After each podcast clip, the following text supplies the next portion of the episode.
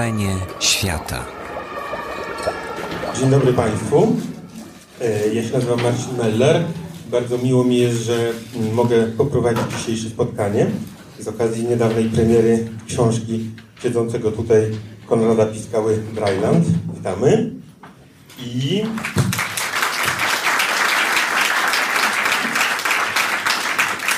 jest? Chciałem przede wszystkim się przywitać i podziękować, że Państwo przyszli w ogóle na nasze spotkanie. tak tłumnie i licznie.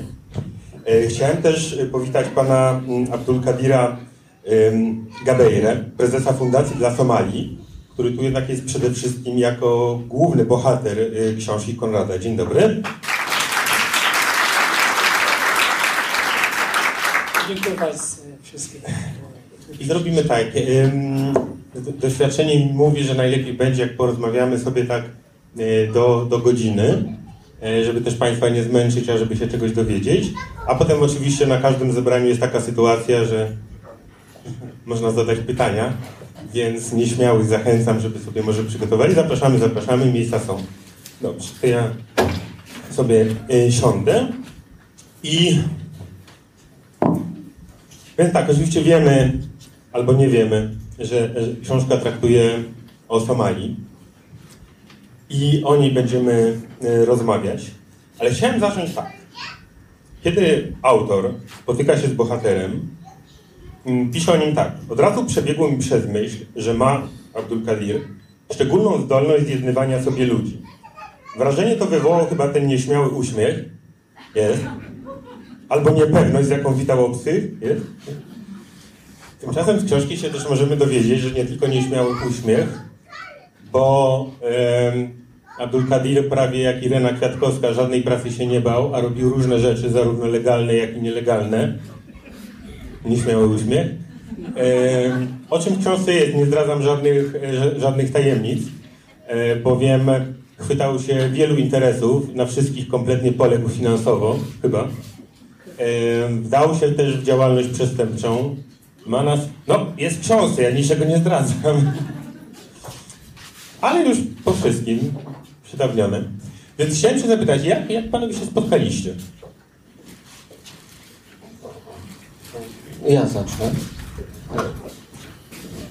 No to właściwie trzeba by zacząć od początku, dlaczego no, zacząłem pisać o, o, o Somalii. No, o Somalii zacząłem pisać dlatego, że pojechałem z moimi przyjaciółmi e, do Afryki i postanowiłem zobaczyć jeden z największych obozów e, dla uchodźców e, w Dadaab i tam mieliśmy troszkę kłopotów. E, Zostaliśmy zatrzymani, spędziliśmy trzy dni w e, na różnych posterunkach policji kenijskiej i wtedy zauważyłem, że policja kenijska, wojsko w taki bardzo szczególny sposób traktuje Somalijczyków i że są taką grupą, e, za którą nie ma kto się ująć, że to są, e, to są osoby, które, to jest cały naród, za którym nie ma ani, e, nie stoją ani ambasady, ani armia. I pomyślałem, że o nich po prostu warto napisać. I w momencie, kiedy przyjechałem do Polski, ale pytanie brzmi, jak napisać książkę o, o kraju, do którego nie można wjechać. I pomyślałem, że potrzebuję po prostu przewodnika, osobę, która mnie tam wprowadzi. E, I taką najprostszym krokiem jest znalezienie kogoś, jakiegoś Somalijczyka w Polsce. Okazuje się, że Somalijczyków w Polsce praktycznie nie ma. Ich jest raptem e, 25. 25, tak? No, prawie. I, I tak trafiłem do Abdula, który okazał się takim dla reportera takim strzałem w dziesiątkę, takim człowiekiem z niewiarygodną historią. A mm, pan nie miał e, obawy przed rozmową z obcym człowiekiem, reporterem? No w końcu ta książka to jest pana życie też, znaczy nie tylko, wyjaśnijmy, ale e, w tej książce jest bardzo wiele o tym, co pan przeżył w bardzo trudnych momentach w życiu. Nie miał pan momentu wątpliwości, żeby opowiedzieć o tym Polakowi? E, Na pewno nie spodziewałem, że będzie napisane książki tak jak teraz jest. E, Kiedy ja zaczynałem opowiadać różnych e, strony mojego życia, to było takie swobodne i nie myślałem, że on tak skoncentruje, tam pisze, tak sposób, aby były te dzisiejsze okazje. Ale z drugiej strony e, cieszę się, bo przynajmniej mam coś, coś, co może dzielić z innymi doświadczeniami różnymi, na przykład e, przeżycią, które miałem wcześniej, to nie uważam, że to jest złe. A jeszcze wracając do tego, co zacząłeś mówić o tym pierwszym zetknięciu y, na, na, na granicy y, kenijsko-somalijskiej, tam piszesz w książce właśnie a propos no, beznadziejnego losu somalijskich uchodźców. Cytuję dokładnie, somalijska narodowość to skaza. Gdybyś mógł rozwinąć. Y, Znaczy, oczywiście somalijska narodowość nie jest skazą, tylko e, e, chodzi o to, że e, będąc tam, ma się wrażenie, że proszę sobie wyobrazić, że jest się w kraju i nie ma się własnego paszportu, że jest się w jakimś miejscu i nie można zadzwonić do konsula i jest się zdanym na rodzinę, na przyjaciół, ale najczęściej na, na, na samego siebie. E, I w takiej sytuacji znajdują się ludzie bez, e, bez, bez kraju, bez, bez państwa. E, W dodatku e, Somalijczycy poprzez wiele, wiele lat e, wojny e, byli postrzegani, fałszywie postrzegani jako, mm, szczególnie może przez kenijskich żołnierzy, jako pewne zagrożenie. E, To związane zagrożenie między innymi właśnie z, z terroryzmem islamskim, z Al-Shabaab. Więc jakby w takim kontekście e, e, to, to, ta, ta, narodowość e, somalijska jest, jest jakby skarżą. Tak? Mam pytanie do pana Abdula.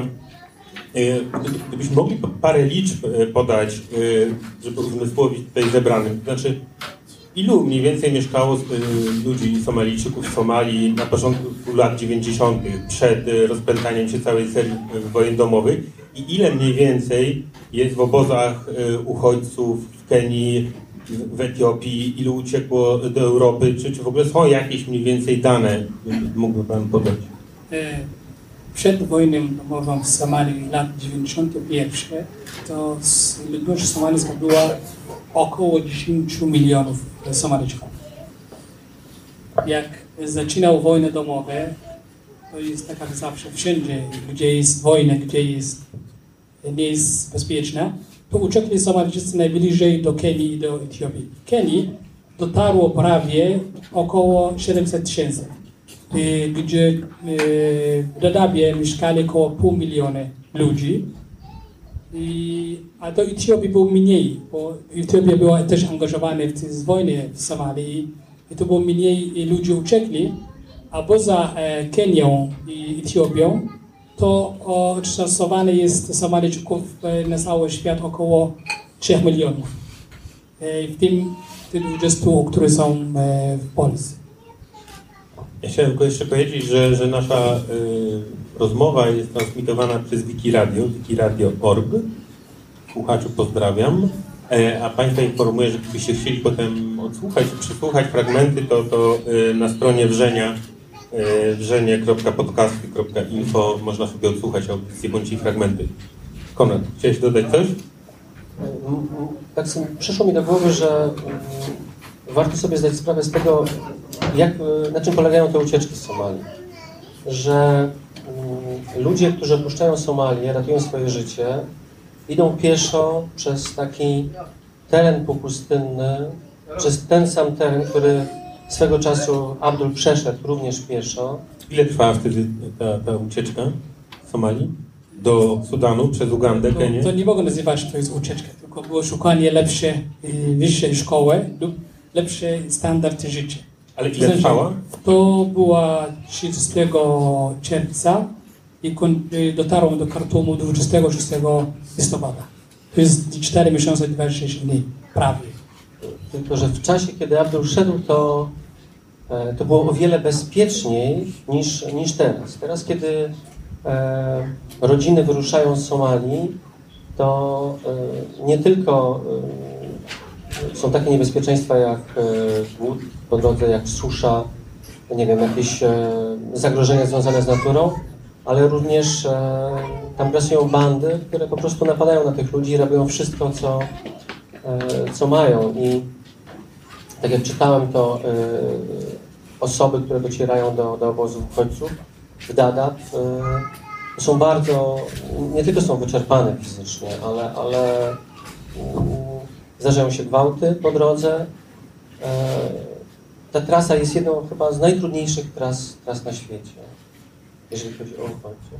Ja bym dodał to, że na przykład mój podróż e, jako młody chłopak e, nie uważam był bardzo, bardzo trudny czy bardzo niebezpieczny niż tak jak dzisiaj młodych Somalijczyków o, ryzykują iść piesz na trasę Etiopia, Sudan, Libia, a później z Libii do Włoch czy do Malty ryzykować taki przepełniony e, e, e,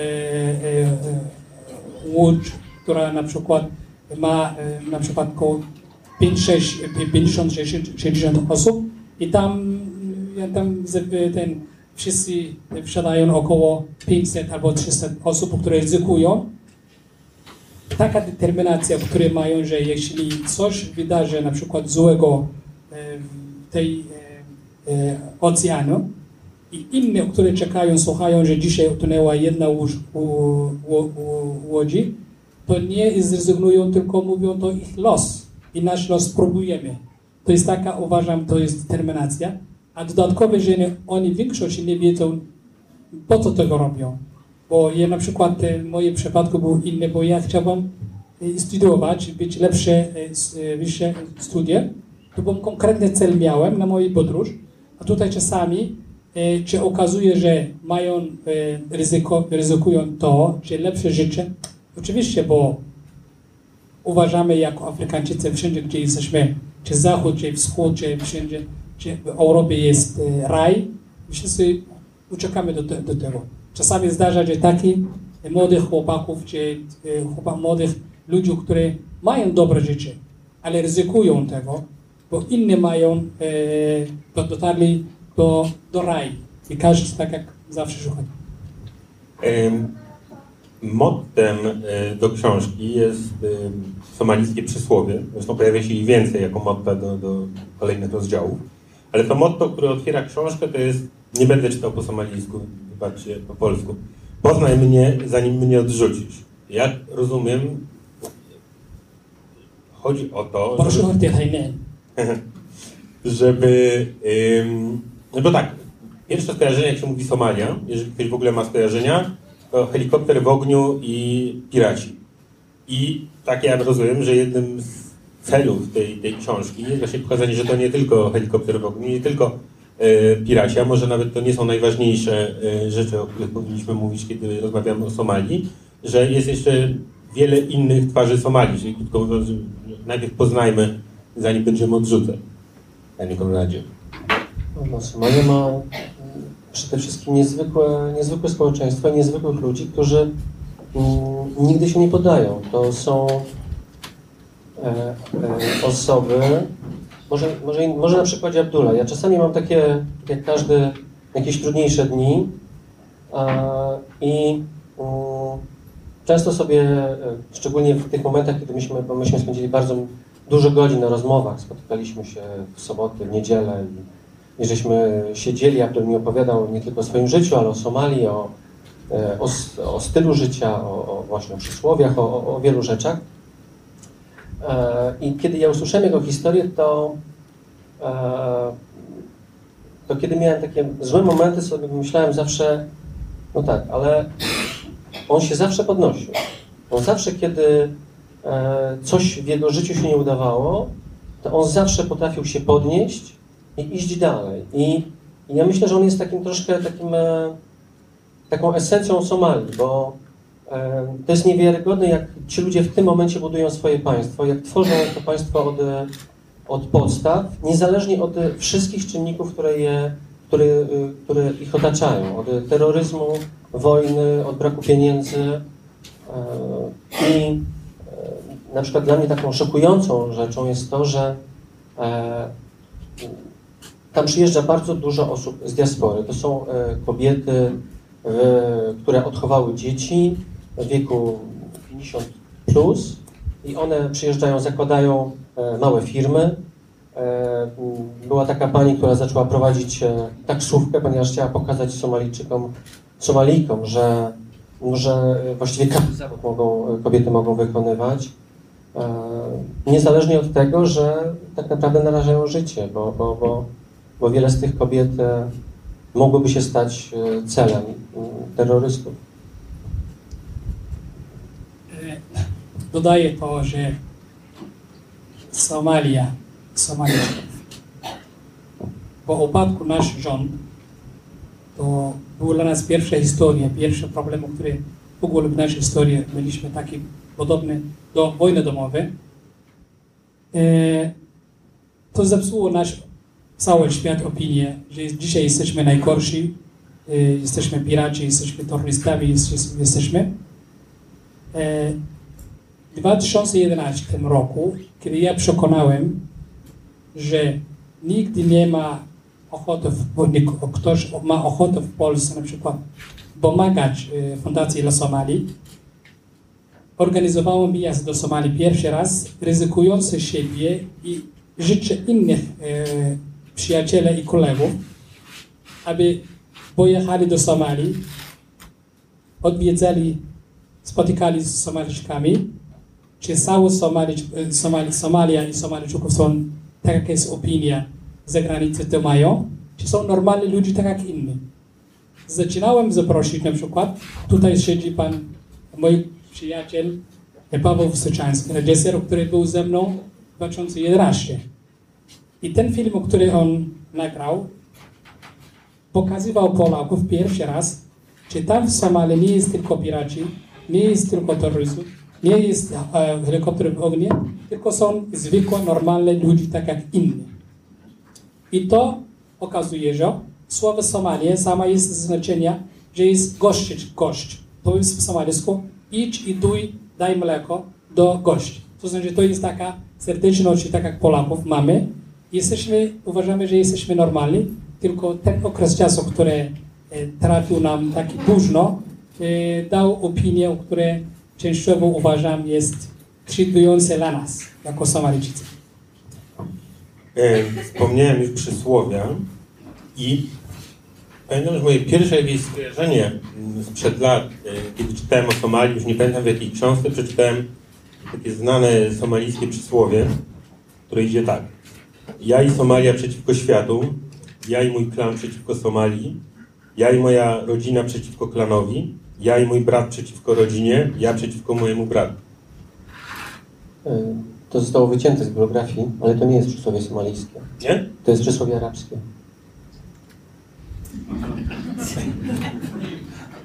Przypisywane Somalijczykom. Przypisywane Somalijczykom, tak. e, Zostało to jakoś później powielane, ale, Mhm. ale w bibliografii już od dawna, dawna funkcjonuje. Znaczy, z, to, to po prostu pochodzi z... To mogę zwalić na jakiegoś anglosaskiego dziennikarza, bo to pewnie Tak, były jakieś reportaże. Tak, było zapotrzebowanie, żeby uzasadnić, że Somalijczycy są źli, więc e, akurat to przysłowie pasowało. Mhm. Ale ono nie jest somalijskie, czysto somalijskie. Dobrze mówi autor? Panie autor? Tak, dobrze. Dobra.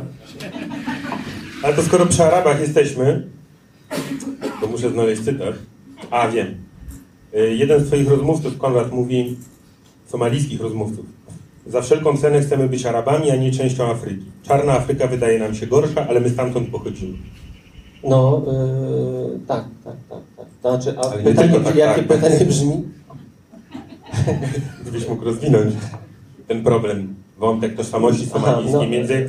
Znaczy nie, bo mi się to też kojarzy, ja pamiętam y, wie- wielokroć, jak, jak ja rozmawiałem przez, z Etiopczykami w Etiopii, kiedy oni się zupełnie nie poczuwali do afrykańskości, uważając, że są y, no, nie, nie, nie, nie czarną Afryką. To może, cho- może tutaj, bo to trzeba by powiedzieć w ogóle o, o konstrukcji somalijskiego społeczeństwa, które jest dosyć e, skomplikowane. Ono ma, to jest takie e, klanowe społeczeństwo. Mamy e, trzy duże klany, które dzielą się na później mniejsze, mniejsze i każdy z tych klanów ma swoje legendy i swoje takie odnośniki do e, Półwyspu Arabskiego lub do do pochodzenia związanego z, z prorokiem. Ale ja myślę, że może istotniejsze jest to, że tak naprawdę jest to cecha charakterystyczna dla właściwie każdego społeczeństwa. Przecież my Polacy też mieliśmy skłonności do stworzenia sobie takich sarmatów, gdzie odwoływaliśmy się do jakichś tam legend, do, do, do, do mitów i e, no i chyba tak, znaczy, że y, tak naprawdę pochodzenie Somalijczyków nie jest do końca jasne, nie wiadomo skąd pochodzą. E, niektórzy uważają, że z, z Półwyspu Arabskiego, część, tak, jak to jest, no, Abdul? To mm, my mówimy, że jesteśmy taki naród mulatów. Co to znaczy, że nie wiem, czy geografia, human geography, część znają lepsze ode mnie, czy pierwsza e, imigracja była przez Babel Mendeb, przez Erytrea, Etiopia, Somalia, wtedy było. E, później była e, e, imigracja e, rasa murzyńska, też mamy Negro. I później była e, imigracja rasa Chimejc, a później Semit. Co to znaczy ten rejon, każda e, e, rasa pchała wcześniejsze do głębi Afryki. I ta mieszana, ta, która jest mieszana, jest e, dała Somalia, Etiopia, Erytrea, Sudan.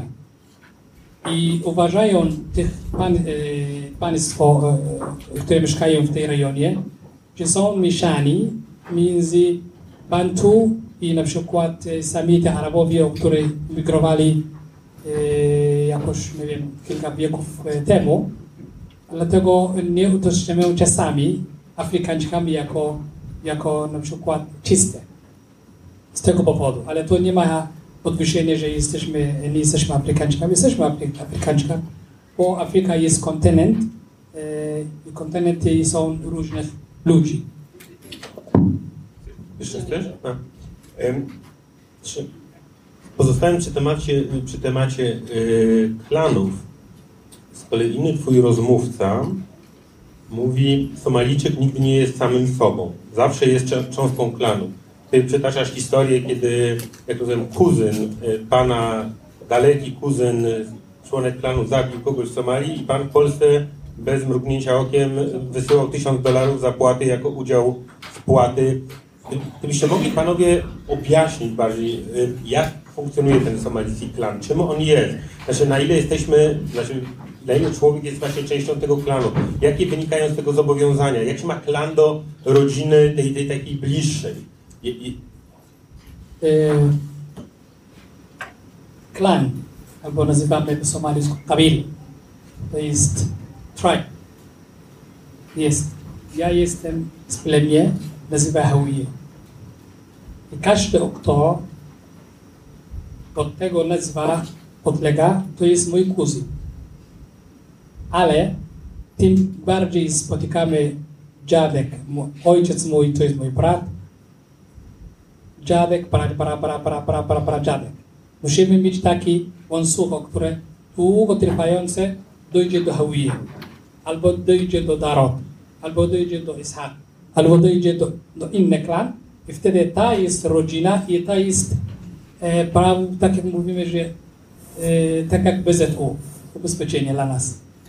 Tak w sposób ubezpieczymy, bo jak na przykład ja mam problem dzisiaj, zwracam, jak e, mamy dużo takich plemię, czy Hawiye, czy i tego, to zwracamy do nich, czy na przykład wtrącałem na ulicę kogoś i zmarł i muszą zapłacić e, tej rodzina coś, to ja nie mam pieniędzy, za mnie płacą wszystkie.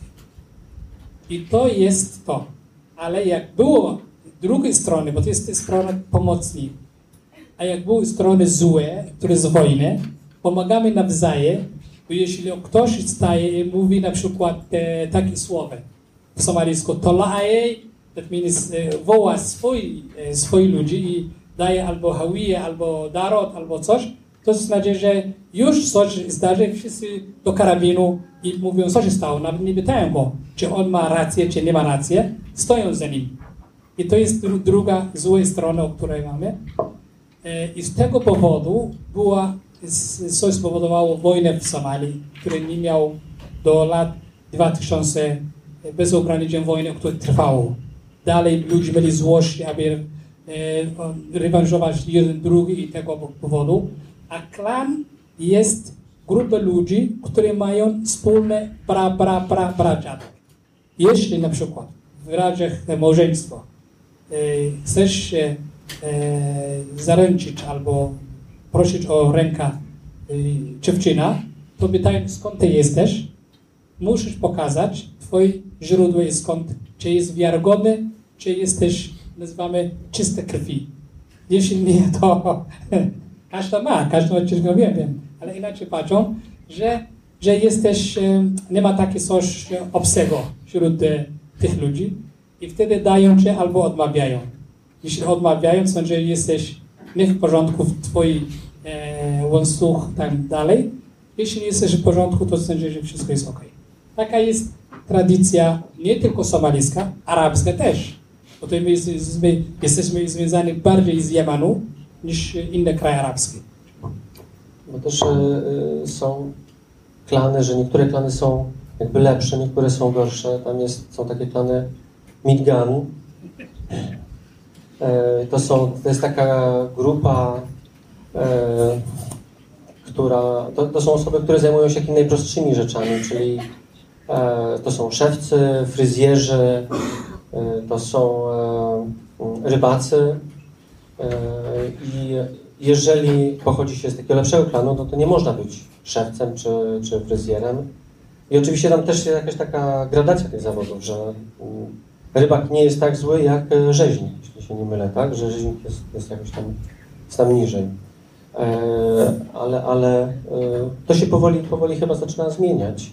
Bo wiem, że teraz jest mnóstwo małżeństw już międzyklanowych i już nie trzyma się tak bardzo tej, tej reguły takiej Dokładnie to nazywamy mieszane. Mieszane małżeństwa. Naszym, ale to jest tradycja, która e, dotarła do nas z kraju arabskich, z Jemenu, które w Jemenie ludzi są czte, siedem e, poziomów. Taki jeden lepszy na przykład jest, e, jest dół do góry. I za to my jesteśmy koczownikami, my jesteśmy nomadów, które hodują wielbłądy, tak jak Arabami to tradycje mamy do, podobne tak samo. Na przykład jak byłem pierwszy raz w Jemenie, to nie zdziwiłem się, jak e, mówili, że nawet fryzjer nie może jeść z nami lub pić z nami, albo e, szklanka, której pije e, szewca, albo na przykład e, e, ten, który łowi rybę, to nie pijemy, bo on ten był, bo to nie zdziwiło, bo ja widziałem u nas w Somalii. Wojna, o której ta, to mieliśmy te 20 lat, bardzo dużo zmieniło. Bardzo. Ja ostatni raz, jak byłem w Mogadiszu, e, nie było restauracji, które w ogóle e, tam e, se, e, obsługiwali na przykład rybę, a jak miesiąc tam temu byłem, to wszędzie, gdzie ja idę, jest ryż, spaghetti, rybę, rodzaj ryby, o której ja zdziwiałem się, że są to takie zmiany, czy ty, dlatego ta zmiana, ten, te wojny domowe miał i pozytywnie, i dużo, dużo pozytywnie i dużo negatywnie. Ale jak analizujemy teraz, e, ileś, um, ileś ludzi zginęło w tej wojnie, ale i ile uzyskaliśmy dobrego z różnych krajów świata, wyjazd tam, kontakty z cywiliz- cywilizacją e, europejską, czy arabską, czy inną, to myślę, że sam uzyskaliśmy dużo, dużo i mam nadzieję, że jak teraz stabilizacja zaczynała dwa lata, dwa lata temu w Somalii, już dużo lepsze rzeczy się dzieje w Somalii. Tak jak oprzedzanie kobieta, które teraz mówimy 45 do 50% już zmniejszyło. Panowie, wyjaśnijcie mi taki e, somalijski paradoks, albo poprawcie, jak coś pokręcę. Mianowicie tak, bo Somalia potencjalnie jest takim szczęśliwym miejscem w Afryce, gdzie nie ma podziałów narodowych de facto, jak to często było w krajach afrykańskich, 20 narodów y, w sztucznie stworzonych granicach. W zasadzie jeden naród, jedna religia, jeden język i a poszło tak, jak poszło. E, W związku z czym dosyć naiwne, być może i proste pytanie, e, ale dlaczego, skoro potencjalnie powinno być lepiej niż w, w, krajach skupiających kompletnie różne narody. E, Somalia e, uzyskała niepodległość lat 60. Lat 60. kto wybierany na parlament było osoba, która kiedyś była w mieście. Co to znaczy? Bardzo dużo mieliśmy e, brak edukacji. Nomadów, pamiętam, e, jak opowiadają nas, czy mówią, kogo wybierają, to ktoś kiedyś miał sklep. E, miasto na przykład Wołomin, albo gdzieś tam Pruszkow, albo gdzieś miał, czy on był już, czy człowiek jest człowiekiem cywilizowanym i może być w Sejmie. 10 lat, które trwała te rządy, nazywamy demokratyczne po niepodległości, nie rozwijała Soma Somalia edukacji rosyjskiej. Dalej byliśmy 90%, u nas był analfabetyzmu, a wcześniej nasza tradycja i kultura była tylko kultura nomadów. Co to znaczy, że plemię była ważniejsze niż naród i kraj inny. Dodatkowo nie mieliśmy cywilizacji taka, które musimy dbać o tego. E, czy nie mieliśmy wcześniej wojny, której musimy nie wracać. Nie, nie czu, czuliśmy, że nie mamy coś cennego, które musimy dbać, bo nomad nie ma miejsca. Rusza między, e, szuka chmur gdzieś dzisiaj pada i to jest jego miejsce. Brak tego e, uczucia e, własności ziemia, własności rejony, własności na przykład albo edukacja, albo coś wartościowego, to spowodowała, e, że jak było od 1999 roku rewolucja w Somalii i była rządząca przez jedno, jeden człowiek, dyktator, który zamyk, trzymał Somalię w swojej e, ręce i, i nie pozwolił nawet wyjazd, kontakty z światem, to i jak sposób on rządził, też stworzyła wewnętrzne inne plemienne, aby pełnie nienawiści do niego. I, I, zrozumieli, i problem polega, zrozumieli, że zmiana jego nie jest zmiana ten człowiek, tylko zmiana cały y, rząd, co to znaczy i budynki, i wszystko. Dlatego jak było wojna 90 roku, pierwszego, drugiego, trzeciego, zaczynali ludzie kraść i, i papiery, i dokumentacja, i nawet y, wszystko zabrali, bo uważali, to jest własność państwa i rząd i muszą, muszą zniszczyć. I po kilku lat Somalia stała goła i wesoła. Dodatkowo rola, którą grali sąsiedztwo państwo, które też e, tak jak kawę namieszali na cały czas kilku lat, dali nam broń, ale jedno zapomniałem, bo wojny nie byłoby, jeśli była rząd i ludzi. Prezydent Zjadber, ostatni prezydent, otwierał wszystkich e, magazyn wojskowy i rozdał broń każdy plemię. To znaczy? Został, on powiedział jedno słowo. Po mnie będzie ziemia, ale ludzie nie będą. Co to znaczy? Tak jak dzisiaj widzimy w Libii. Dokładnie podobna sytuacja, że jesteśmy naród, tak jak e, pan e, Marcin, Marcin wspominał, jesteśmy naród jeden, ale problem było związany z edukacją, brak własności, brak poczucia na przykład narodowości sami, czy jesteśmy tego stąd i ułatwienie tego wszystkiego, nienawiści, które stworzył e, był prezydent Somalii, czy rząd somalijski i rozdała siłę. Każdy dała siłę i tego powodu było zniszczenie wszystko.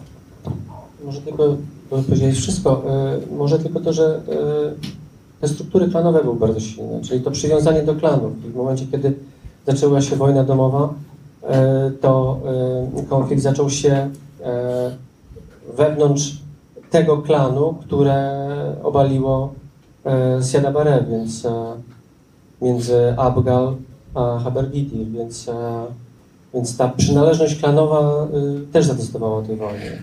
Silna, silna silne e, uczucie stania po, po, po, po jednej stronie, po, po stronie swojego przywódcy. No, znaczy to jest, na przykład jak byłem e, członkiem United Somali Congress, jest partia, która opaliła Ziad Barre 1989 roku. Ja zrezygnowałem w lutym, kiedy spróbowałem, ja i jeszcze dwóch moich kolegów, poprawić, aby była wojna, którą będziemy prowadzić, nie przeciwko inne plemię, tylko zmiany rządu. I to był jeden z powodów ważniejszych, że nie, nie ja powiedziałem, uczestniczam w zmianie rządu, ale nie uczestniczam w zmianie albo walki przeciwko darom, bo jesteśmy Hawije i walczymy inne plemię z, powodu tego. Dlatego plemię Hawije, która była Abgal i Habergidy, oni tam zmienili tego, wyrzucili tego rządu prezydenta, ale nie mieli nic pisanego, konkretnego programu politycznego, na przykład ekonomicznego, społecznego, aby oni te zmiany prowadzić. I to było powodem e, między klan, klan Habergidir i wszyscy byli, byli silni. Zmieniałem trochę temat, ale jeszcze wrócę do, do, do spraw politycznych, powiedzmy. Konrad, y, czym jest drzewo w Somalii? Drzewo w Somalii. Może dziwne pytanie, ale oparte na lekturze. No, y, pamiętam taki moment, kiedy y, Abdul, pojechałem z Abdulem takiej małej wioski y, z jego fundacją, oni tam robili jakiś projekt. E, powiem parę słów na temat może takiego projektu, bo to jest bardzo ciekawa rzecz. E, e, to było w północnej e, e, Somalii e, i e, ten projekt polegał na budowie takich wałów wokół pól i okazuje się, że wystarczy zbudować e, taki wał e, 30-centymetrowy, e, żeby przedłużyć wegetację roślin na przykład o miesiąc czy o dwa miesiące i żeby nie było głodu na, mm, na północy wypadku, na wypadku suszy. Ale przyjechaliśmy do takiej wioski e, i zatrzymaliśmy się w takim barze, niby barze i tam młodzi mężczyźni e, żuli sobie czad, a w tym samym czasie e, w oddali stało takie jedno pojedyncze drzewo, wokół którego stała grupa starszych mężczyzn i przez dwie, trzy godziny rozmawiali, negocjowali, ponieważ tutaj były takie negocjacje, mm, co oni mogą dać, co mogą pomóc e, przy robieniu tego projektu. Generalnie e, drzewo e, jest takim miejscem, w którym się negocjuje. To jest miejsce pokoju w Somalii, miejsce zawierania kompromisów. Można posadzić trochę więcej drzew. To jest prawda, tak jak mówił Konrad, drzewa 91 roku oddaliśmy od drzewa, dlatego nie mogliśmy z, zatrzymać e, wojny. Wcześniej starszych usiądą pod drzewami, rozmawiają, rozwiązują problemu i był koniec. Ale jak oddaliśmy od drzewa, to znaczy, że nie mogliśmy zatrzymać do dzień dzisiejszy. Ja specjalnie zapytałem o to drzewo, ponieważ y, książka Konrada to nie tylko, nie tylko wojny, nie tylko polityka, nie, nie tylko sprawy poważne, ale też obserwacje obyczajowe, życie codzienne i historie miłosne. Przynajmniej jedna historia miłosna. To Pana pytanie, bo to Pana historia miłosna. E, Znaczy, ja nie będę streszczać już tak bardzo dużo streści, no bo przecież Państwo powinni jeszcze książkę kupić i ją przeczytać, ale jak gdyby tak w ramach takiej zachęty, tak jak są reklamówki w kinie, gdyby mógł Pan opowiedzieć tą historię y, dziewczyny, do której szedł Pan na piechotę, żeby patrzeć w oczy. Jak, co, co to była za historia? Sporo dziewczyn na sali. Więc... Zakia Abdisalam. To, to ja w ogóle wcześniej nie, nie, nie, nie wiem, czy to ma, mogą nazywać miłość, bo ja czasami czuję, że tam coś, coś mi brakuje. Ale ona była pierwsza klasa, ja byłem druga klasa. Siedzieliśmy przeciwko okno i zawsze siedzieliśmy okno i patrzyliśmy nawzajem.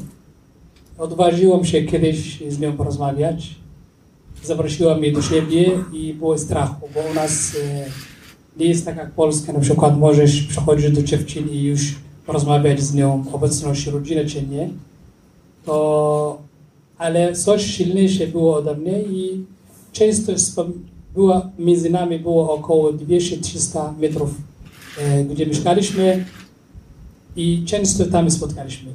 chociaż nigdy nie, dot- nie dotykaliśmy nawzajem. To była miłość z długo- długość taki, metr, czy półtora metry, czy więcej czasami. I była e, ta dwa tygodnie przerwy szkolne, no to troszeczkę czułam, że mi brakuje. No to może nazywamy tęsknotę albo nazywamy miłość. Nie wiem, jak to było kiedyś, bo to było, nie byłem bardzo mało, bo mało lat byłem. Taka emocja, chociaż i dalej, dalej pamiętam. I z kolegą rozmawiamy, to nie było takiej decyzji, mam- podejmowałem dwa dni te, wcześniej, tylko on mi powiedział, że jego matka mieszka tam, gdzie pojechała z Kijeva. No to ja powiedziałem, no to możemy iść tam zobaczyć, bo ja chcę zobaczyć. No to idziemy, idziemy. No to na piechotę i, rozmawiamy. Było księżyc, pamiętam. Pojechałem. Spotkałem z nią 5 minut. Tak. I był wystarczyło mi to. Później e, pojechałem do, z kolegą do jego ma, matka i tam jedliśmy kaszę manna i pamiętam z mlekiem, tam coś jedliśmy. I w tym okresie czasu nie było, ona pisała list. I na list, nie pamiętam co w treści pisało tego, tylko na rogu tam na, na boku pisała my man, my love, my husband. Po angielsku. tak. Po angielsku. I bo- drogę z- powrotnie do świtu rano, to cały czas powtarzałem te słowa my man, my love, my husband, my man. A ten kolega ze mną rozmawiał, mówi, poczekaj, jeszcze nie czytałem. Wiesz, powiedz, ile szedłeś? Proszę? Jak, ile kilometrów to A, było? to, to ja. To mniej więcej 120 km to i stąd, to... Ale to... Chcę powiedzieć, że y, nie uwierzyli w redakcji, że tyle przeszedłeś. Ale ba- najgorsze było, jak e, widziałem miasto, czułem, że miasto blisko, nie mogłem w ogóle ruszać. I na cztery, jak to nazywa po polsku? Na czworaka. Czworaka. Na czworaka. Chodziłem do miasta i pierwsze studnie, o których wiedziałem, musiałem tam coś, coś pić, ale to dla mnie nie było coś trudnego. Trudno było, trudno było wtedy, pokazywałem e, Konrada miejsce, gdzie ostatni raz spotkaliśmy. I stałem, przypadkiem spotkaliśmy, ja przygotowałem wyjazd, ale wcześniej byłem uczciwy, powiedziałem, wyjeżdżam, już nie wracam, nie wiem kiedy wracam, jesteśmy taki, wiesz, czekasz, nie czekasz, to nie było konkretu. E, to, to chyba jest 100 metrów, każdy razem, każdy razem chodziliśmy, patrzyliśmy na- nawzajem cały czas. To, e, to było troszkę bolesne wtedy. Nie byłem, nie byłem odważny, aby dalej tam iść. Ale byłem zdecydowany, żeby zmienić swoje życie. A mówią, że Włosi to romantycy. Mogliby się uczyć od Somalijczyków. Tam jest do tej historii PS w książce, ale nie zdradzę Państwu. Miejcie frajdę, satysfakcję z czytania. Mm. Też nie, nie, nie wytłumaczę dokładnie dlaczego, żebyście też Państwo czegoś oczekiwali, ale y, Pan Abdul y, no, miał w którymś momencie szóstkę, dobrze mówię, przyrodniego rodzeństwa. Szóstka była? Tak, ale sz- szóstka, to była y, Amina, y, siostra, pięciu, pięciu braci. Jeden, brat i sześć, sióstr. Bo tak, bo było, y, właśnie chciałem się zapytać o tych, tych najbliższych krewnych. Co się z nimi działo, dzieje, bo tak, wiem, jeden brat zginął w bombardowaniu w 88, kiedy wojska rządowe bombardowały. Y, Potem in, inny brat y, był ministrem w rządzie ty, Trybunałów Islamskich, dobrze. A co, co, co na przykład Amina robiła, robi i co, co pozostałe przyrodnie rodzeństwo? Moje rodzeństwo, bo u nas e, nazywamy rodzeństwo na przykład obojętnie, czy jest strona matki, czy jest strona ojca. To jest moja rodzina, moi, moi, moi braci i siostry. E, mamy stronę ojca, mam brata i trzy siostry. Jest, jedna jest starsza ode mnie, a dwoje, jedna mieszka w Stanach, a druga jest w Anglii mieszka. I są, jedna jest Angliką, druga jest Amerykanką, a brat mój jest Holendrem. Już jesteśmy, no, mamy różnych e, obywatelstw. A siostry, strona matki, jedna jest w Niemczech teraz, druga jest w Szwecji. A cztery, czworo zostały jeszcze w Somalii, które często pomagam ich.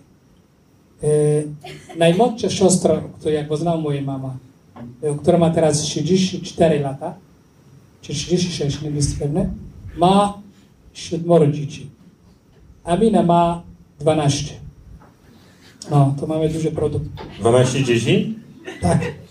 12 dzieci ma. Lepiej niż prezydent Wałęsa. Ym, a tak jestem ciekaw, y, biorąc pod uwagę te, te rozległe somalijskie rodziny, y, ma Pan pojęcie, ilu krewnych byłby Pan w stanie wymienić z pamięci? 50, 500, 5000? Nie, bo jakbym był w cały czas w Somalii, to bym pamiętał wszystko. E, najgorsze kiedyś mam tutaj córka moja, która kiedyś mnie pytała, i jak mamy, e, skąd jesteśmy, to nie mogą liczyć więcej niż pięć. A jednak pamiętam kiedyś, jak poznał moją siostrę Aminę. I byliśmy mówili, że mo- moja siostra mieszka tutaj w mieście, gdzie szukam, szukało mojej mamy, mamie. I oni mi mówili, że już ma siostra tutaj. I spotkałem z nią, z siedmory, sied, byliśmy siedmiu chłopaków. I ona, wiesz, rozpoznała mnie czy nie, bo nie chciałam, był uszukiwany. I pytali, czy masz brata? Mówiłem, że jeden mam tutaj, a drugi umarł. A oni mówili, ale skąd on był? No to jest, e, jak miał na imię? To ona liczyła do 10, a ja wtedy znałam do 4, do 5, sorry, do 5. To znaczy, że oni bardziej byli orientowani, moi, skąd ja jestem, niż sam siebie. Bo do dzień dzisiejszy to jest taka choroba, której nie mam, plemienny, nie czuję plemiennej choroby, tak jak somalijski, normalny, zwykły człowiek. Dlatego dzisiaj nie wymieniam dużo. Ale jak pytam moich bliskich, to oni znają 35 na przykład każdy z. Może bym powiedział, bo e, autor mówi tutaj o e, kiedy rodzi się chłopiec, to w jakimś czasie przychodzi ojciec i uczy go e, swoich przodków. E, I coraz głębiej, coraz głębiej, e, czyli mamy tak, Abdul Kadir, jego ojciec Gabeire, dziadek Farag. No i ojciec, no i tak dalej, tak dalej, tak dalej. I to jest taka lista, po której Somalijczycy się rozpoznają. Chciałbym zobaczyć taki pojedynek gruzińsko-somalijski. Kto wymieni więcej pokoleń wstecz. Tylko nie wiem, jakby było z pisiem wina ze strony somalijskiej, no ale zostawmy. Konrad, y, napisałeś książkę o Sudanie. Teraz napisałeś książkę o Somalii. Czy, czy następna będzie o Etiopii albo Erytrei, żeby skompletować róg Afryki? No nie, nie, nie wiem. O, e, znaczy ja mam parę pomysłów, ale, ale, ale to są tak odległe rzeczy, że, że, że nie chcę ich jeszcze e, zdradzać. E, No na razie żyję książką o Somalii, Somalijczykami, którzy, e, którzy mają no, strasznie dużo... Każda historia każdego człowieka, którego ja spotkałem w Somalii jest, jest absolutnie niewiarygodna i to, to nie są proste życiorysy. I, i, tam się po prostu nie da urodzić i po prostu przeżyć. Tam każdy dzień jest e, doświadczeniem, a to są wyżki, czy nawet zwykłe, zwykłe pójście do pracy, szczególnie e, w Mogadiszu jest heroizmem czasami, dlatego że, dlatego, że mm, ja pamiętam taką historię e, z ostatniego, z ostatniego pobytu w Mogadiszu i mieliśmy, miałem taką przewodniczkę i poszliśmy mm, na spotkanie z taką panią przewodniczącą e, organizacji kobiet somalijskich. I tam obok jest e, restauracja. Ta moja e, przewodniczka mówi, że wiesz Konrad, ja nie lubię tego miejsca, nie lubię tej restauracji. Ja się pytam, dlaczego nie lubisz tej restauracji? Wiesz, dlatego, że tutaj był wybuch, uderzono bombę i zginęło 20 osób. I ja mówię, no dobrze, zginęło 20 osób, no ale było takich dużo miejsc. Ale wiesz, po dwóch tygodniach otworzono z powrotem tą restaurację i znowu e, zginęło 30 osób. I patrz, i miła ileś dni i znowu e, jest e, ta restauracja otwarta. I, i to pokazuje, mm, ile wysiłku trzeba włożyć, zwykłego wysiłku w to, żeby, żeby żyć e, w Somalii, żeby sobie, e, sobie radzić w, tym, e, w tej codzienności. Ja dodam, że autor wtedy podniósł swoją torbę fotograficzną z podłogi, postawił na krześle, bo jakoś tak dziwnie to wyglądało, a po prostu ta scena zamyka książkę. Stąd. Tak, tak, tak. tak. Ym, A m, chciałem zadać to pytanie, a sam powiedziałeś o twojej przewodnicy. A jak y, tobie, reporterowi, cudzoziemcowi y, y, y, szło, jeśli chodzi o kontakty z kobietami? Mówię o rozmowach y, z kobietami, w sensie, czy były problemy? Proszę Państwa, bez dwuznaczności. Znaczy, czy, czy to był problem, y, czy jakie musiałeś pokonać ewentualnie przeszkody formalne, kulturowe, żeby móc rozmawiać y, na różnych poziomach jakby społecznych? To znaczy przy mm, przygotowaniu książki o Sudanie było mi szalenie ciężko i właściwie praktycznie to było dla mnie niemożliwe. Ja nie wiem dlaczego y, w Somalii udało mi się porozmawiać i mnóstwo kobiet ze mną rozmawiało. Być może dlatego, że mm, tak naprawdę Abdul mnie wprowadzał, czyli miałem możliwości zarówno rozmawiania z dziennikarkami, jak i z panią ginekolog w Somalii, jak i z pracownicą e, organizacji pozarządowych, więc e, być może to jest kwestia prowadzenia, ale mm, nie, ale jakoś tak wydaje mi się, że Somaliki są bardzo otwarte. To są bardzo silne kobiety i to też jest pewien taki stereotyp, że e, Somaliki są takie ciche, zahukane. Nie, nie, to są szalenie mocne, silne kobiety, które naprawdę potrafią e, mm, no, organizować życie wokół siebie. Być może to spowodowała wojna, być może to jest to, że, że to się tak zmieniło po, po wojnie. No to słowo, że Somali, kobieta somalijska. W Somalii uratowało kobieta i imigrantów, di- diaspora. Kobieta w Somalii diaspora. A diaspora, 90% kobiet diaspora, a 10% mężczyzn. Co to znaczy? Somalia do dzisiejszej sytuacji, którą ma i, i ta przetrwała te 20 lat, było z powodu silne kobiet, somalskie kobiety. Wychowywali dzieci, pracowali, robili wszystko, aby przetrwać. Wtedy, w tym czasie, w którym mężczyźni jedzą kat i walczą ze sobą, 75% teraz ludności somalijskiej jest młodych, młodych, młodych ludzi. Większość był wychowany przez kobietę somalijską i dofinansowane tego była kobieta, która jest na emigracji. Ja jeszcze dwa, dwa pytania, także uprzedzam Państwa, nastąpi ten moment. Chętnie oddam mikrofon. W ostatnich dniach y, agencje podały, że Amerykanie za pomocą drona zabili przywódcę ugrupowania Al-Shabaab Emira y, Ahmeda Abdi Godane. Teraz jest wybrany ponoć już nowy. Wyjaśnijcie Panowie, co to jest Al-Shabaab, jaką dzisiaj rolę odgrywa w Somalii. E, Al-Shabaab. Al-Shabaab jest e, organizacją e, terrorystyczną. Jest organizacją terrorystyczną, jest e, organizacją, która mm, walczy z rządem e, w Mogadiszu. E, I właściwie w momencie, kiedy ja e, zaczynałem interesować się Somalią, Al-Shabaab miało właściwie w posiadaniu prawie całą Somalię poza północą. W Mogadiszu chyba tylko maleńka dzielnica należała do, do rządu tymczasowego. No dzisiaj sytuacja się troszeczkę e, zmieniła. E, Al-Shabaab mimo jest, wydaje mi się, że jest ciągle silny, jest organizacja jednak ciągle e, szalenie niebezpieczna ale została wyparta zarówno z Mogadiszu i z okolic. Cóż, cóż, cóż, cóż dodać o Al-Shabaab? No to właściwie wszyscy znają tą, tą organizację. E, to, e, od wielu, wielu lat te wszystkie złe newsy z Somalii są związane z, z Al-Shabaabem. Jeżeli mm, zdarzały się jakieś ukamieniowania, no to było związane właśnie z, z, z, tą, e, z tą organizacją. Shabab to jest młodzież po prostu. To jest po arabsku, słowo arabskie. Jak było hałas w Somalii, nie było rządu, nie było nic, to lat 90 alternatywa e, była, aby stworzyć sąd, gdzie ludzie mogą zwracać e, do spra- sprawiedliwości, było przez, e, przez nazywamy islamistów, różnych ruchów islamskich. I to stworzyło, stworzyło tych młodych, które wcześniej szkoliło w różnych krajach arabskich, czy Afganistan, czy tam inne, i wrócili do Somalii.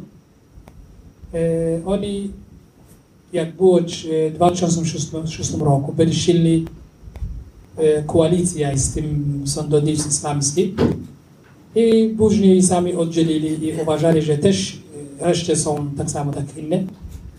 Dla nich e, wszystkich innych ludzi, nawet zwykły człowiek dla nich jest niewierny. Oprócz nich, ten, który nam nie pomaga, to jest nasz wrog. Zabiją wszystkich. Są związani z Al-Kaidą. To jest- jeden z problemów, które ma każdy kraj muzułmański. Nie tylko w Somalii. Tylko oni mieli mm, czas, y, miejsce, gdzie nie ma ktoś silniejszy od nich. Dzisiaj sytuacja się zmieniła.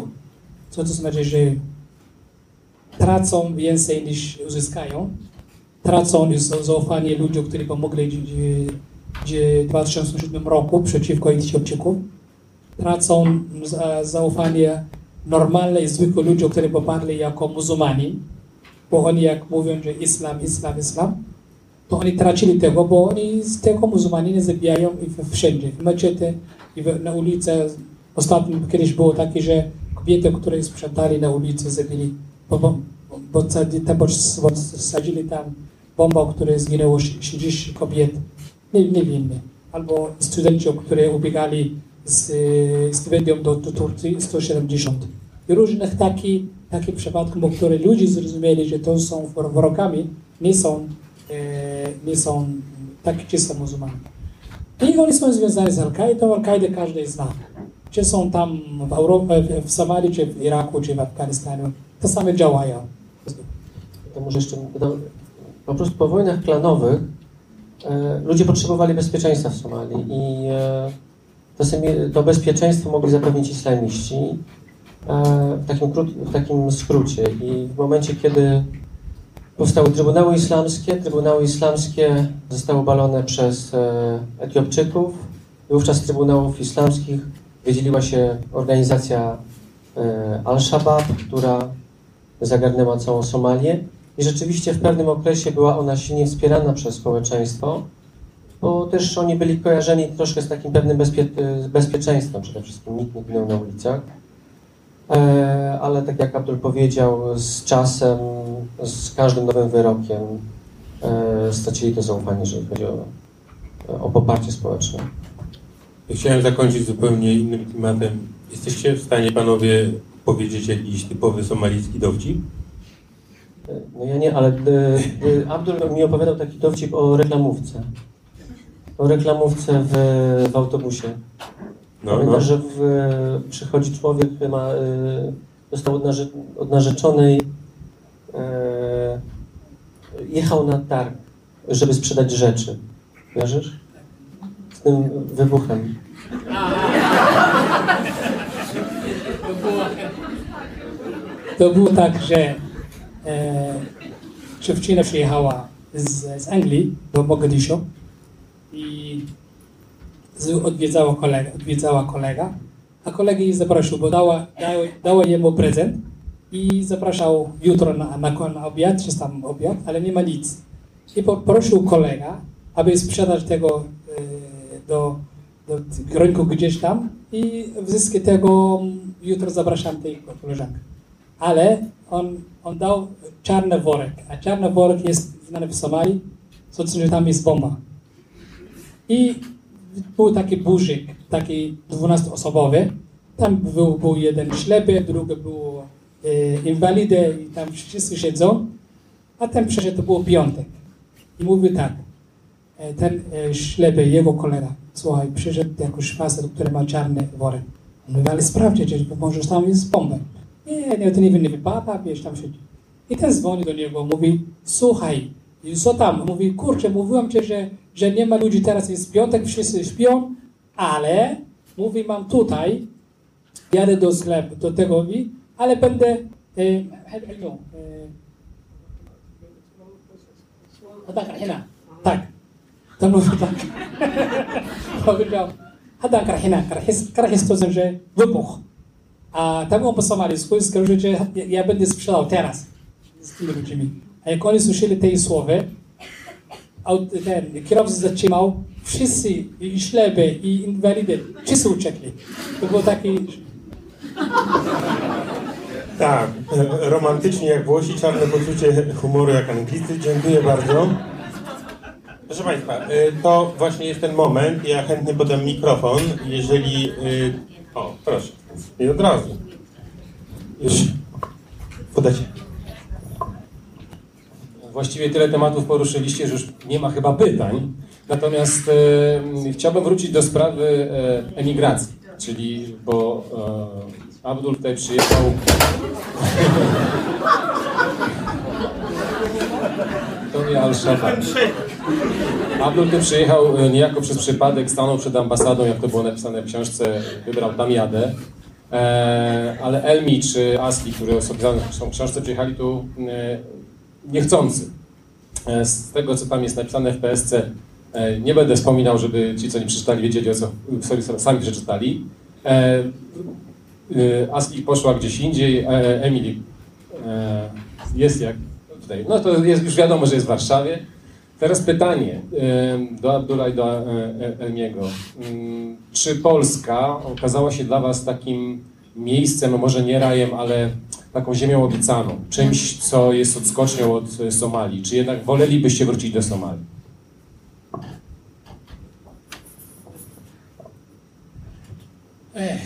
Czy ja w ogóle miałem swoje miejsce na świecie?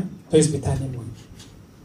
E, od kiedy ja pamiętam w życiu, byłem sam, dalej jestem sam i będę sam.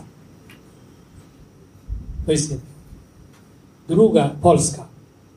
E, ja szukałem miejsca, gdzie nie ma Somalijczyków. W ogóle. Bo wtedy byłem w polityce i chciałbym od, od, zdecydowałem się odchodzić. Całkiem. Przypadkiem dostałem wizę do Polski. Wtedy nawet nie zastanawiałem nigdy, że będę jechał do Polski. Po trzech miesiącach, jak decyzja padła, że już odrzucam wszystko, szukam gdzieś miejsca swój, przyjechałem do Polski i pytałem, że Arabowie, których tutaj poznałem, że w ogóle ktoś Somalijczyk mieszka, mówili, nie ma. To od razu mówią, to jest moje miejsce. I piąty dzień mojego pobytu byłem zdecydowany zamieszkać w Polsce. Nawet jak miałem trudne sytuacje, nigdy nie myślałem, że wjeżdżam z Polski. Jak wjeżdżam, to tylko do Somalii. Nigdy. Nie miałem, chciałem emigrować. Powodem było, jakby tu nie ma Somalijczyków. Tak jak mówię. Druga, szybko integrowałem do Polaków. To jest kontaktowałem z Polakami, chociaż było bardzo trudno, wtedy lat 90. Bardzo trudne było, ale zawsze tłumaczyłem, że dam sobie radę. I jak był, czułem dyskryminację, coś innego, ja mówię, też ja dyskryminuję inne tam u siebie w domu. I byłem troszeczkę przyzwyczajony tego i odwiedzałem różne kraje wcześniej i byłem psychicznie gotowy wszędzie, gdzie ja idę, mogą zamieszkać. I dla mnie Polska teraz bo specjalnie od 2006 roku, po upaleniu sąd- sądownictwa tego to był jedyny raz, w który rozpakowałem moje, moje, to, moje walizki, bo wcześniej miałem dużo ochoty wracać, wracać. Mówię, w tym roku, nie następny rok, następny rok. Miałem nadzieję, a teraz mówię, nie, dlatego e, tak planuję kiedyś może jechać do Somalii, ale przewożę ze mną Polaków do Somalii, aby być w Polsce i w Somalii. I tak, a moja historia to jest trochę inna niż e, Abdul. E, Abdul przyjechał tutaj e, z, z wizą, dostał wizę, ale niestety moja droga była zupełnie inna. Ja w 90... Przepraszam. W 91 roku, jak wybuchła domowa, musiała po prostu niestety uciekać. I ja w Somalii opowiem trochę moją historię, jak wyglądał w Somalii.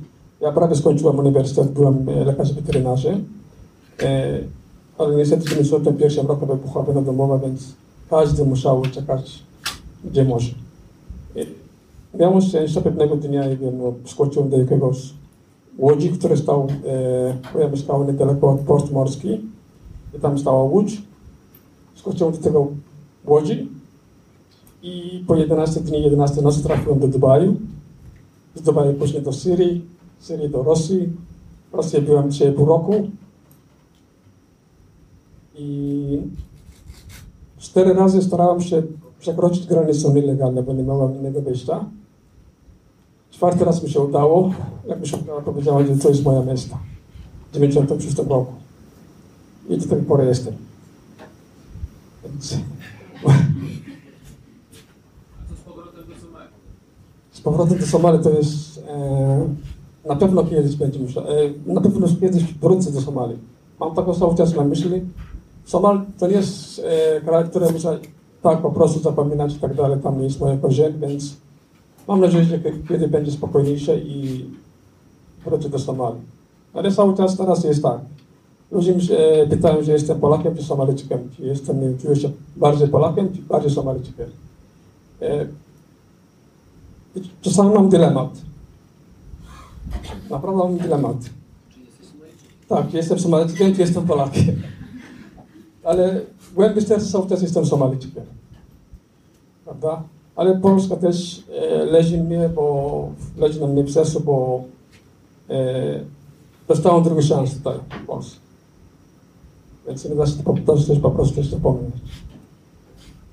A propos tego, co, co Tutaj- no. mówił, o, że jechał, chciał jechać tam, gdzie nie ma Somalijczyków. Dzisiaj czytałem wywiad z redaktorem Kuźniarem, że on za granicę jeździ tylko tam, gdzie nie ma Polaków. Więc Ku, Kuźniar jest takim polskim Somalijczykiem, rozumiem.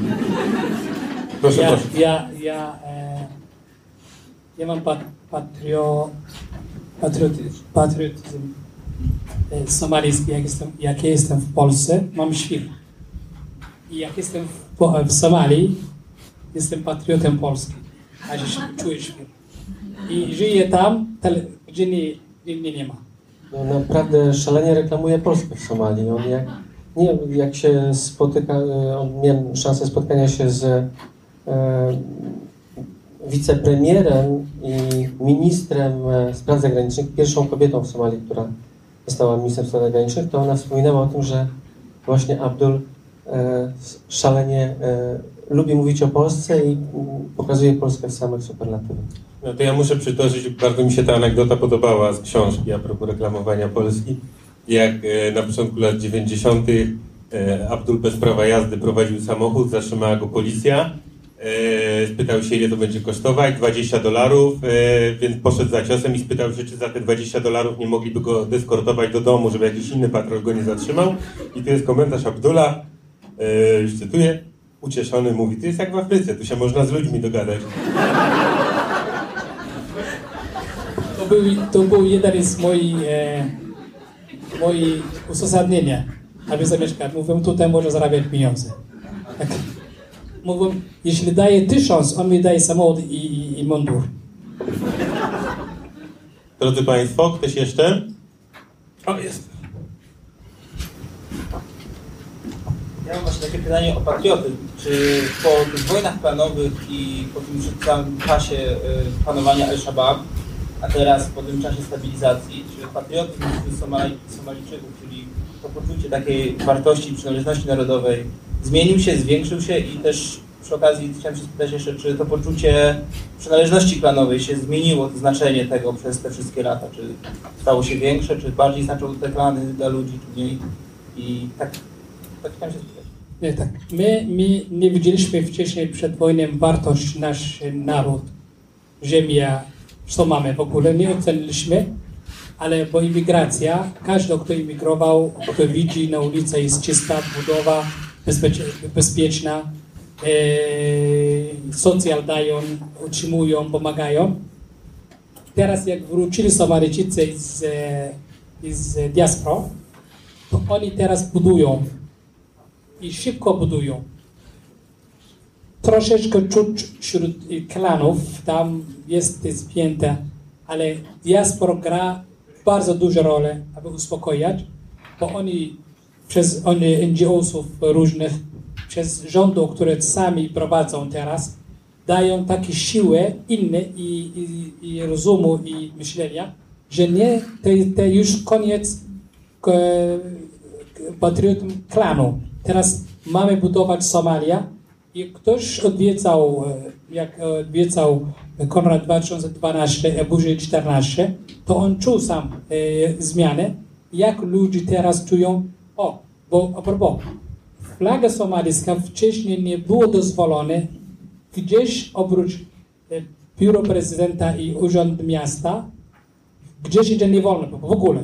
Teraz ludzie budu- szyją ubranie kobiet, wszędzie, wszędzie mają flagę somalijską. To jest bardzo pozytywnie, ale z tego skąd mają to, to mają, to oni widzieli inne kraje. I teraz zaczynała miłość, czy tam patriotyzm do, do, do Somalii. To jest 100%.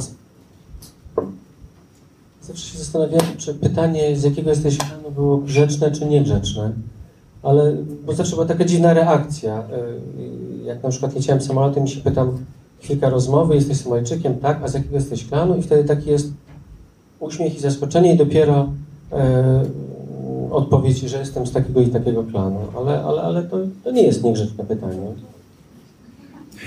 Chociaż, chociaż społeczeństwa narodowe tu teraz grają takie, z jednej strony pomagają, a z drugiej strony budują swojemu e, mentalności, swojemu e, myślenia jest, boimy się e, konfliktu plemiennej z powodu ziemi. Bo teraz każde plemię czuła, że ma swoje miejsce i mają tam rozwijać, robić wszystko. Tak jak Himan Heb, gdzie e, chcemy budować szpital polski-somalijski. To był w Rafu, Stańczyk, e, Paweł Wysoczański, wszyscy byli. Tam na przykład już to jest miasto, które żyją wszyscy. Al-Shabaab, rząd, wszyscy żyją razem, bez problemów, bo to jest, czują to z ich miejsc i muszą dbać. I to jest bardzo pozytywne. Ktoś jeszcze? Jeżeli można. Można. Bo, e, chciałem się zapytać, to znaczy chyba stwierdzę, a jeżeli stwierdzę, się upewnię, tak, to w takim razie zaakcentuję.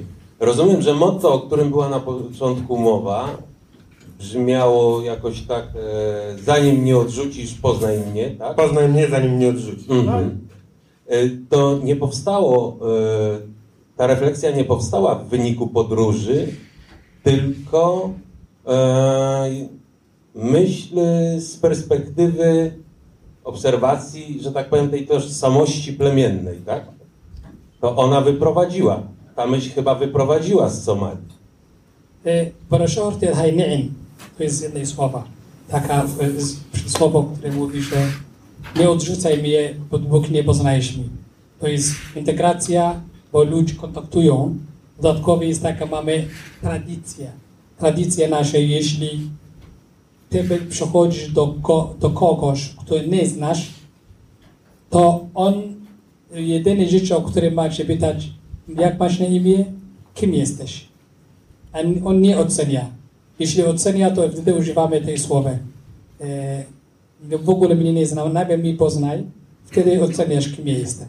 Chodzi takie głębie, to jest o plemienne też, o różnych innych, takie głębie, że jest, nie wiesz skąd, skąd ja jestem, z jakim plemieniem jestem, czy jestem dobrym, czy złym, czy tam słabym, czy mocną, ale to jest słowo, które używane, ja czasami lubię też używać w ramach e, integracji. Bo ludzie jak nie znają, tak jak w Polsce, jak przyjechaliśmy, mieliśmy bardzo duży problem nawet komuś dać rękę albo porozmawiać, bo większość takie sądzili z daleko, czy nie jesteśmy, jesteśmy po prostu, nie wiem, skąd z Marsa, albo nie mamy żadnych inteligencji, nie, nie wiemy, bo nas nie znają. I to uważam, że my musimy zrobić ten krok, aby nam poznali, to mówimy tak, poznaj mnie najpierw, aby móc ocenić, kim jestem. Tak? A, jeszcze pan? A, i tam pan? Cześć, Mamadu. Ja chciałem spytać o taką rzecz, bo właściwie ile razy Somalia pojawia się gdzieś w mediach, to, to nie, nieodmiennie jak mantra pojawia się również wyrażenie państwo upadłe. Y, I panowie mówili dużo o, o, o zmianach, które zaszły w Somalii w ciągu no, chociażby ostatnich dwóch lat. I, i mówiliście też o, o rządzie i o, o tym, że nawet w rządzie są kobiety, co, co nie jest jakimś ewenementem. Y, czy, czy, czy, czy jakby, czy mówienie o Somalii jako o państwie upadłym jest ciągle uzasadnione? No ja myślę, że hmm, wszystko zależy od e, e, przyszłości. W przyszłym roku są w Somalii wybory. Na pewno jest Somalia jest bardzo podzielona. Inna sytuacja jest na północy, gdzie od wielu lat jest demokracja i całkiem dobra demokracja jak na warunki afrykańskie. Mówisz o Somalilandzie? w Somalilandzie. E, środkowa e, Somalia, mm, sytuacja jest, e, jest raczej trudna. W Galkayo chyba ciągle jest e, e, no, dosyć niebezpiecznie i cały czas jest, e, jest niestabilnie. W Mogadiszu mamy, mamy rząd i, i, rząd e, kontroluje cały, mm, e, całe, e, całą, całą tą okolicę wokół, wokół Mogadiszu. E, Więc właściwie ja myślę, że na to pytanie można odpowiedzieć i tak, i nie, dlatego że z jednej strony mamy, e, są początki państwa, ale są ogromne rejony w, w Somalii, gdzie tak naprawdę nie ma władzy, nie ma rządu, nie ma, nie wiem, nie, są już ambasady jakieś somalijskie na zewnątrz? Gdzie? W Londynie jest, tak? W W Londynie? Londynie, w Brukseli, w Nairobi, Nairobi. w Iranie, w W, Mogadiszu mamy z y, turecką, jedną ambasadę jest. turecka, duńska, Duńska jest, teraz jest. e, Etiopia, różne. Ja uważam, że mm, w tej chwili brakuje w Somalii e, coś mogą, możemy nazywać PR, public relation. Co to znaczy? E, ostatnio rozmawiałem z panem władcą, pre- prezydentem i jego współpracowników, aby stworzyć biuro, które robiła PR dla Somalii. Dlatego dzisiaj zaprosiłem pana Marcina do Somalii od razu. Bo chyba byłem Ja już byłem raz, także chętnie wrócę. i, i to, ten problem jest taki, że nasz władze z Mogadiszu są zajęci, aby stabilizować sytuację tam. Nie mają polityki zagranicy, nie umieją lobbyingować, bo władze, e, większość ministrowie e, są tych, którzy nigdy nie wyjechali, a tych, którzy wyjechali też za bardzo nie mieli kontaktów z inny, inny, inny świat, tak jak, podobnie tak jak ja i Elmi z Polakami żyjemy, że tam od nich nauczymy dużo rzeczy i rozwoju. Dlatego oni są zajęci problemem wewnętrznym. I teraz jest tak, chyba w przyszłym tygodniu wyjeżdżam i ustalone jest, aby stworzyć biuro e, na PR, aby pisać. W internecie wszędzie są tutaj są Somalia, teraz się dzieje te zmiany. Bo to jest prawda, o której jest nigdy w Somalii, jak klikasz ostatnie informacje w 2007 albo 2008 roku. Prawda. Znaczy, na pewno są zalążki państwa, na pewno powstaje konstytucja w Somalii, mają parlament, y, ale, ale, ale ciągle to jest państwo, które jest jednak y, niebezpieczne i ciągle jest państwo, które jest y, niestabilne. Mamadu, masz mikrofon? Tak, mam. Dzień dobry Państwu. Um, Abdullah bardzo znam, bardzo długo. E, w ogóle nie wiem, gdzie w książce jest termin Adam. Bo wszyscy mówimy na niego Adam. E, proszę Państwa, ja chciałem wrócić do e, dwóch wątków. E, ten problem, znaczy to, co Adam Abdul określił jako, że naród somalijski to mulaci, tak naprawdę jak się patrzy na mapę Afryki, to jest jedna linia, która łączy od zachodu Maurytanię aż po Etiopię. Z jednej strony mamy jakby trochę na południu Sahary, to mamy Berberów i Arabów na północ i na południu czarną ludność. I ta tożsamość e, bardzo często w Mali, to było widać ostatnio, że ci, którzy właściwie tak są produktem, może to trochę brzydko brzmi, tych dwóch wielkich kultur, raczej sięgają po północną część. Bardzo często e, mówią, że właśnie należą do tej części berberskiej e, czy arabskiej.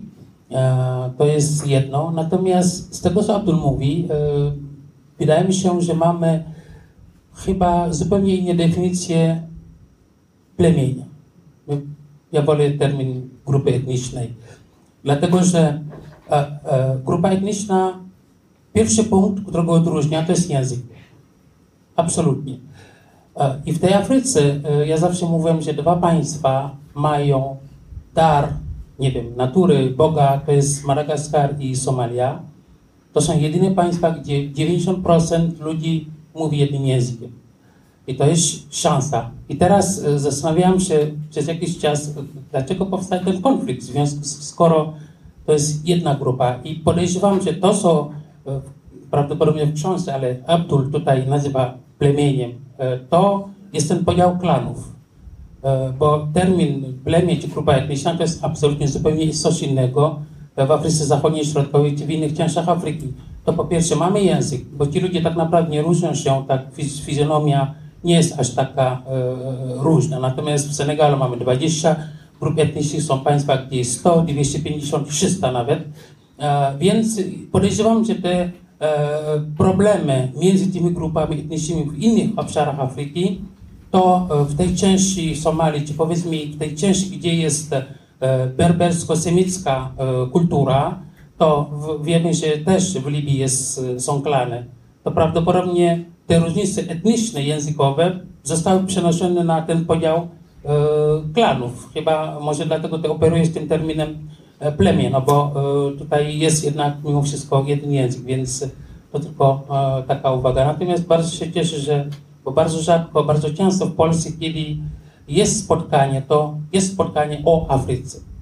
Dlatego może mało e, ludzi się dowiadują o tym kontynencie, bo przecież nie można mówić o kontynencie w ciągu półtorej godziny. I dlatego się cieszę, że dzisiaj spotkanie konkretnie dotyczy e, Somalii. Dzięki temu właściwie tak e, może poznamy więc lepiej e, geografię. Dziękuję.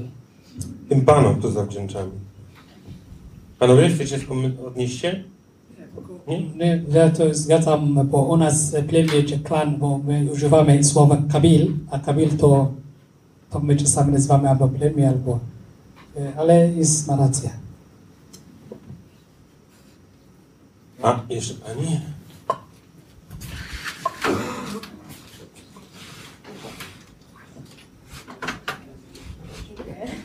Moje pytanie jest, e, powiedziałeś, że chciałeś e, być albo mieszkać e, tam, gdzie nie są Somalici. E, Większość imigrantów wolą albo być, albo jechać tam, gdzie są ludzie z kraju. E, Ja będę trzymał. Już chyba powiedziałam. Dlaczego chciałeś e, być albo mieszkać tam, gdzie no, nie ma Somalijczyków? Bo większość imigrantów, które ja znam albo rozmawiam, wolą być tam, gdzie są swoich rodaków, żeby być razem, nie wiem, e, spotkać, e, żeby nie tęsknić albo porozmawiać, różne rzeczy e, robić e, swoim rodakom. No, teraz proszę się tłumaczyć. I powodem było e, bardziej, aby nie wrócić do polityki. Bo i Somalijczyk, jak e, wjeżdża i gdzieś dojedzie na przykład do Amsterdamu, szuka Somalijczyka. Pierwszy krok. Kiedy spotyka się z Somalijczykiem, to zapyta, skąd jesteś, z jaki klan jesteś. I on mówi, jestem Hawi albo Darod, albo to. To od razu mówi, daj mi tych on sam, ten, który już poznał, to on wysyła go dalej, do, aż do jego kuzyn. Ja powodem politycznym nie chciałbym w ogóle wspominać, chciałem zapomnieć w ogóle tę sytuację polityczną, bo kochałem polityka. Pierwszy raz, jak miałem wybierać e, przedmiot, o którym mam studiować, mówiłem do mojego kolega, że chciałbym kiedyś zejść na scenę polityczną, chciałbym tego realizować, ale jak widziałem drogę, to mówią, to nie jest droga, której mam iść. To jest powód. Drugi powód, nie przestraszyłem się albo nie brakowało mi kogoś, poza, poza tym, bo ja uważałem, że samotny może coś prowadzić sam siebie. Bo nie potrzebowałem na przykład być Somalijczyka, nie mogłem żyć, albo czy brakowało mi o ktoś Somalijczyka, który mi e, mi, mi, mi, mi, mi coś dał albo tego, bo od dzieciństwa byłem sam i sam biegałem, sam robiłem, sam podróżowałem, sam tego zrobiłem, dlatego nie czułem braku związany z, z Somalijczykami, bo nie wychowywałem tak w sposób, aby było z kimś w dzieciństwie. Byłem sam cały czas. Dlatego jak przyjechałem, pierwszy Arab, którego znałem, czy pierwszy Polak, którego znałem, był moim przyjacielem, moim kolegą i z nimi e, przyjaźniłem. I stworzyłem mój świat e, w tym w Warszawie. No dobrze, dziękuję. A,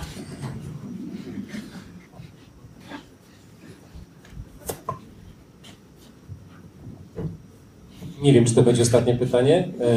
E, mam nadzieję. E, Konradzie, bo tutaj cały czas jest pytanie o Somalię, a chciałbym się Ciebie zapytać. E, najtrudniejszy moment w pisaniu książki. Czy to jest rozmowy, które przeprowadzałeś tutaj z Somalijczykami? Czy to są spotkania, które odbywałeś tam w Somalii? Czy to przerwy długie, które były w pisaniu książki? Czy to może po prostu jakiś inny element? To inny element. kolega dodał, że pytania powinny być otwarte. To wie, mnóstwo, mnóstwo. To była, czy to, był, to była dla mnie ogromna przygoda. I to chyba największa przygoda mojego życia dotychczasowego. E, dlatego, że e, to była ciągła podróż e, na różnych przestrzeniach. E, na przestrzeni e, rozmów e, z Abdulem, słuchania jego historii, a potem czysto fizyczna podróż poznawania e, kraju, miejsc, w których on był, więc e, tam było mnóstwo stresów, nerwów, rzeczy męczących, takich czysto fizycznie, czy wpuszczą mnie na samolot do Mogadiszu. Dzień przed, e, mieliśmy za pierwszym razem razem lecieć do, do Mogadiszu, ale, ale okazało się, że samolot został odwołany i poleciałem w końcu sam. E, Więc to też był dla mnie ogromny stres, bo nie wiedziałem dokąd lecę. E, Abdul mnie zapewniał, że, że to jest, że człowiek, który się będzie mną opiekował, jest, pochodzi z jego klanu, więc mogę, mogę, mogę mu zaufać. E, Rzeczywiście to, to, to, to była prawda, ale, e, ale się cały czas denerwował, bo, bo e, pamiętam sytuację, jak jechałem jakoś tam samochodem z moimi przewodnikami, podaje mi ktoś telefon i tam słyszę Abdullah z Polski, słuchaj, jak tam nie męczą cię za bardzo, więc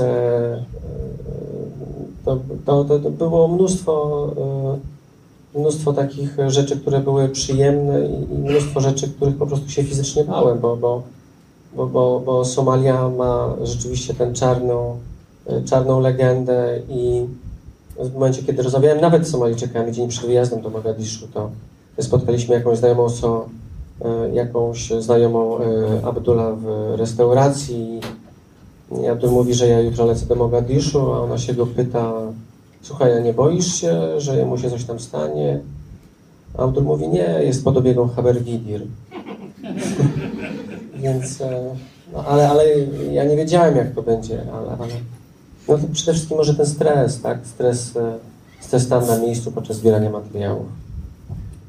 Drodzy Państwo, Ja e, też, tak, ja też się stresowałem, jak każdy Polak pojechał do Somalii, ze mną czy beze mnie, to większość, o której ja opiekowałem jest daleko też, i którzy byli ze mną, pamiętam, wspominam, jak byłem w Adado z Rafałem i z Pawłem, e, ochronił nas 10 policjantów, a za policjantą stał moje plemię, moje klany, a później te klany stał moi kuzyni. Jeden po drugi, bo to jest pierwszy raz.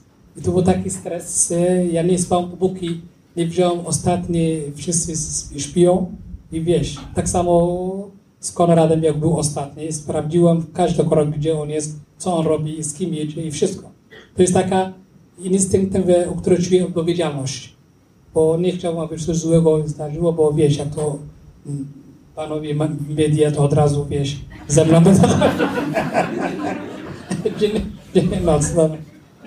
Muszę powiedzieć, że naprawdę byłem pod y, niesamowitą opieką tam i, i, i to y, czasami taką niewidoczną, że później Abdul przychodził do mnie i mówił, a wiesz, oni mi tutaj mówią, że powinniśmy zmienić hotel, bo tutaj coś, e, coś jest nieodpowiedniego, więc y, tak naprawdę y, będąc tam na miejscu, to ilu ma się ochroniarzy nie ma żadnego znaczenia.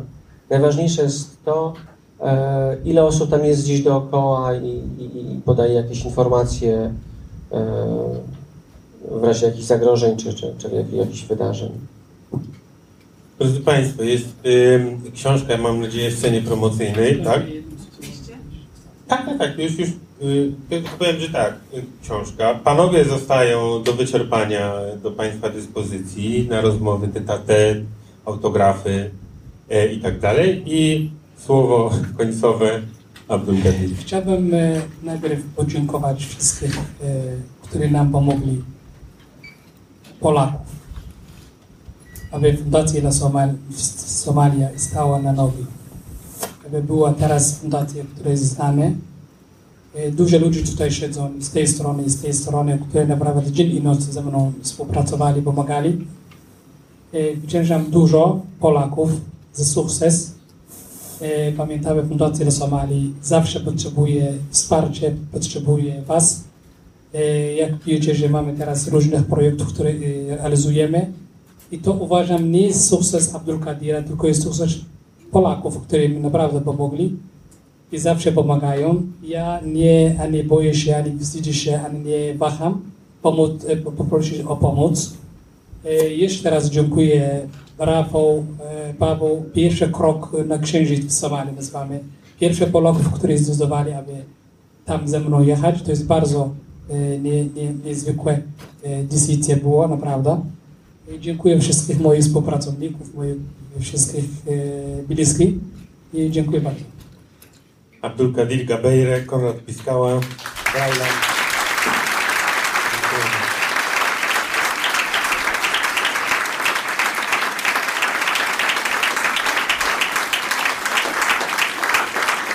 To są, są teraz wasi. Zapraszam do stołu. Siedzicie do oboru. Fundacja Instytut Reportażu zaprasza do swojej księgarni z literaturą faktu i kawą Wrzenie Świata na ulicy Gałczyńskiego 7 w Warszawie. Wejście przez bramy Nowy Świat 48 i Nowy Świat 52.